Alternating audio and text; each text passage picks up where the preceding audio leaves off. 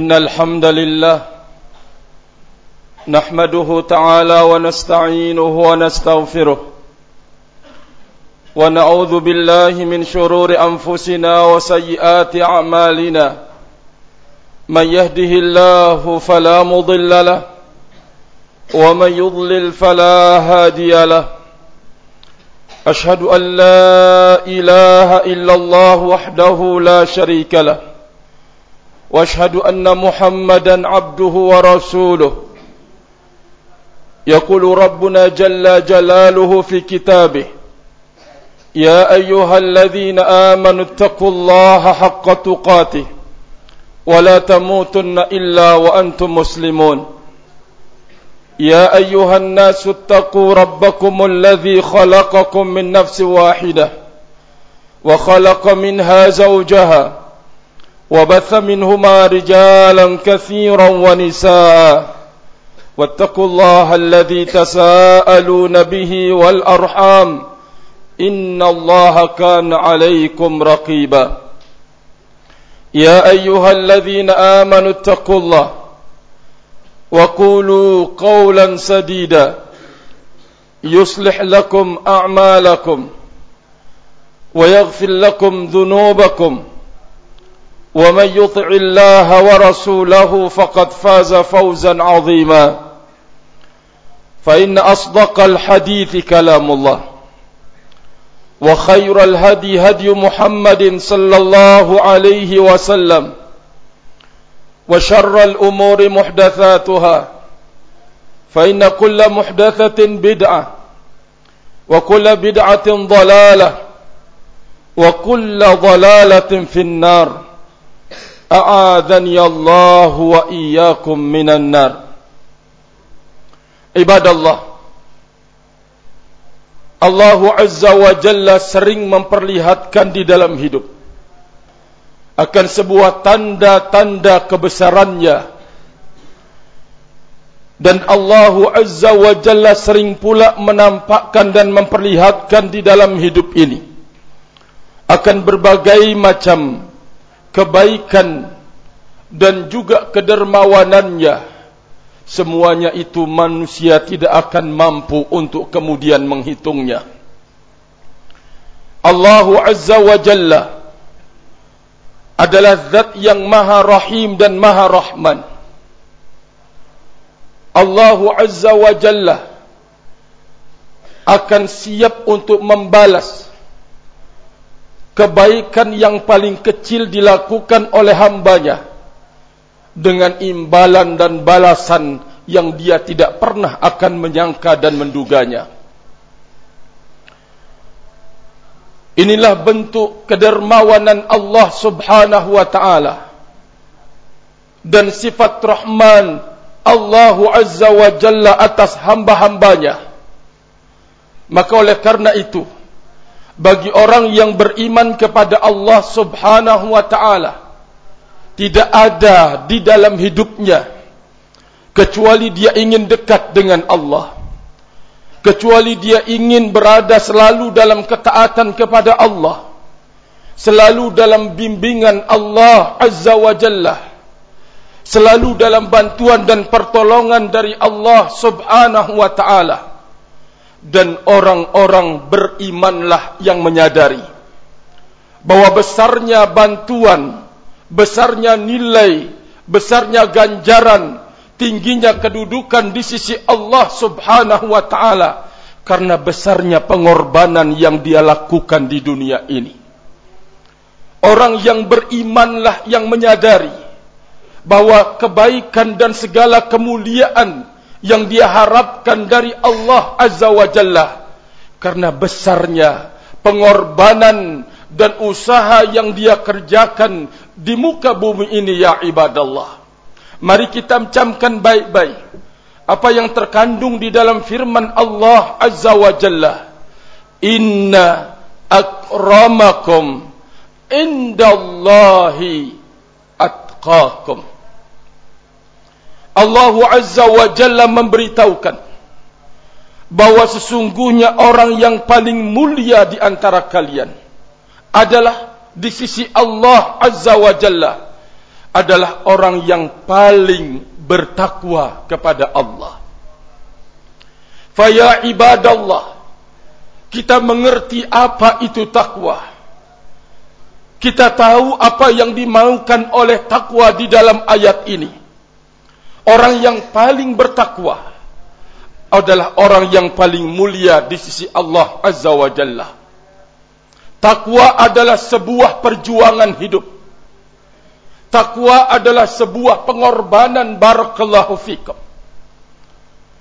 Sebuah perjuangan engkau harus mematri hidup ini di atas taatillahi azza wa jalla di hadapan engkau ada makhluk yang tidak menerima untuk engkau dekat dengan Allah. Engkau mampu mewujudkan ketakwaan. Engkau mampu membuka pintu-pintu kebajikan. Dan mampu menghindar dari kejelekan dan kejahatan. Itu adalah sebuah perjuangan besar yang harus dilakukan oleh setiap manusia. Di samping itu pula dia harus berkorban barakallahu fikum berkorban untuk kemudian di saat datangnya celaan dan caci makian berkorban perasaan berkorban harta benda bahkan berkorban darah dan nyawa itulah yang dituntut. Barakallahu fikum. Maka besarnya pengorbanan seseorang hamba di muka bumi ini akan menjadi tolak ukur kebesaran nilai dan ganjaran dari Allah Subhanahu wa taala. Kita belajar dari para pendahulu kita yang saleh.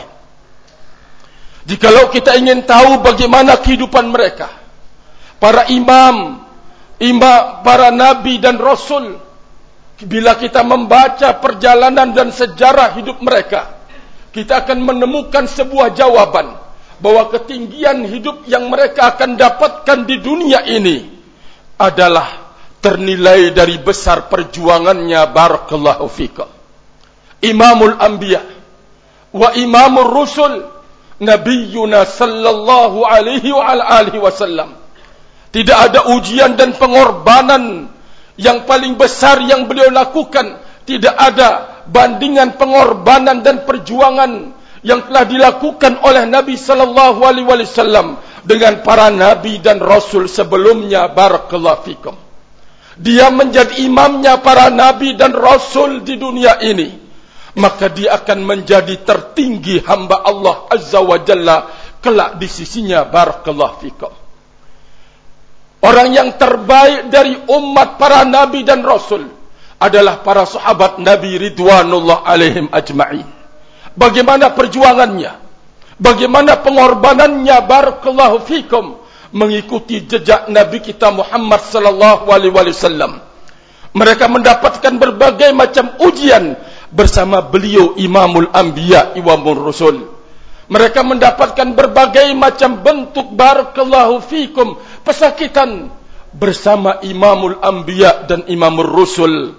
Kedudukan para sahabat Nabi dengan perjuangan besar mereka dan pengorbanan besar mereka sehingga diposisikan oleh Allah Azza wa Jalla di dunia ini menjadi terbaik pengikut para nabi dan rasul. Bahkan Allah Azza wa Jalla akan mengangkat dia kelak di sisinya menjadi terbaik umatnya para nabi dan rasul. Kedudukannya di sisi Allah Azza wa Jalla.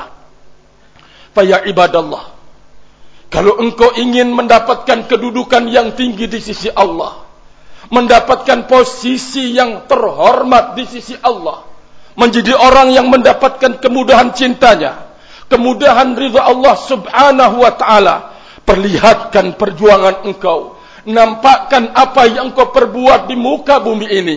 Mari kita belajar apa yang disebutkan oleh Nabi alaihi salatu wassalam dan apa yang kita dapatkan di masa kita sekarang ini. Nabi sallallahu alaihi wa ala alihi wasallam dalam hadis yang diriwayatkan oleh al-Imam At-Tirmizi dari sahabat Anas bin Malik radhiyallahu taala anhu.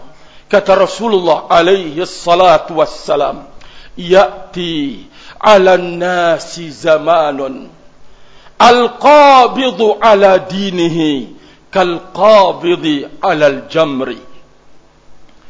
Kata Rasulullah alaihi salatu wassalam akan datang hari dan masa dan hari itu sedang berjalan di tengah-tengah kita.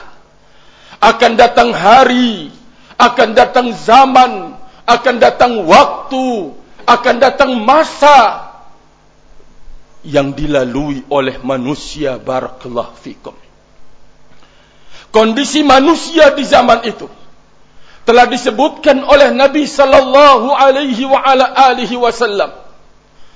Orang yang berpegang teguh dengan agamanya bagikan orang yang memegang bara api. Coba lihat syarah para ulama kita di masa kita sekarang ini dia menggiring atau mereka menggiring kita untuk memahami hadis juga dengan masa kita yang berada padanya. Waktu dan zaman yang kita hidup padanya yang jauh dari zaman kenabian yang jauh dari zaman kerasulan barakallahu fikum. Islam tidak tersisa kecuali nama saja. Al-Quran tidak tinggal kecuali rosmu. Tulisan-tulisan barakallah fikum. Kalaupun di sana ada yang hafidul Quran. Menghafal Al-Quran. Hanya sekedar untuk barakallah fikum. Sebagai alat untuk mengejar kedudukan dan posisi di muka bumi ini. Amaliyahnya bertentangan mi'ah bimi'ah. 100% dengan apa yang dihafalnya dari kitabullah. Faya ibadallah. Hadis ini mengingatkan kita sebuah makna di dalam hidup. Bahawa apa yang engkau inginkan dari keselamatan di dunia. Kemuliaan dari sisi Allah padanya. Juga apa yang engkau cita-citakan di sisinya. Untuk mendapatkan ganjaran yang besar dan punya kedudukan yang tinggi bersama Nabi Muhammad sallallahu alaihi wasallam. Camkan baik-baik hadis ini barakallahu fikum. Di dalam hadis ini khabaron wa irsyadun min nabiyyina sallallahu alaihi wa ala alihi wasallam. Akan datang masa dan zaman. Kondisi orang yang hidup di zaman itu. Bagikan orang kondisi zaman itu orang yang berpegang dengan agama Allah. Bagikan orang yang memegang bara api apa beritanya ya ibadallah dari nabi kita Muhammad sallallahu alaihi wa ala alihi wasallam pada zaman itu yaqillul khairu wa yaqillu asbabal wa yaqillu asbabul khair kebaikan itu terkikis. Sebab-sebab menuju kebaikan itu sudah sulit barakallahu fikum. Wa yakthuru syarru yaksuru asbabu syarr. Kejahatan itu bertambah banyak. Dan jalan-jalan menujunya menjamur ya ibadallah. Berita dari nabi kita Muhammad sallallahu alaihi wa alihi wasallam. Bersamaan dengan informasi akan datang hari dan zaman bahwa kebaikan itu mengikis kejahatan dan kejelekan itu membludak dan menjamur beliau juga menginformasikan kita dari hadis ini bahwa orang yang berjalan di atas kebaikan qalil sangat-sangat minim dan sedikit. Bersamaan dengan sedikitnya, Rasul alaihi salatu wassalam menyebutkan di dalam hadis ini, kondisi mereka yang sangat sedikit, tapi ujiannya sangat besar di dalam hidup mereka dapatkan. Sudah sedikit bersama kebenaran, sudah sedikit barakallahu fikum melalui pintu-pintu kebaikan dan eh, kebajikan. Ternyata hidup orang-orang yang sedikit ini penuh dengan tantangan dan ujian barakallahu fikum sampai Nabi alaihi salatu wassalam menggambarkan ujian dan besar yang dialami hidup oleh orang-orang yang jumlahnya sedikit ini. Bagikan orang yang memegang bara api kata beliau alaihi salatu wassalam. Faya abdallah karena besarnya permusuhan yang dia hadapi karena banyaknya fitan yang dia harus jalan yang harus dia yang harus dia hadapi barakallahu fikum. Al fitan rahimani wa rahimakumullah. Iman terus mengikis. Ujian terus bertambah. Maka informasi dari Nabi sallallahu alaihi wa ala alihi wasallam agar kita menyadarinya barakallahu fikum. Di saat kita dimasukkan oleh Allah azza wa jalla dalam golongan dan jumlah yang sedikit. Dengarkan irsyadun bimbingan dari Nabi sallallahu alaihi wasallam setelahnya. Ibadallah usi wa iyyakum bitaqwa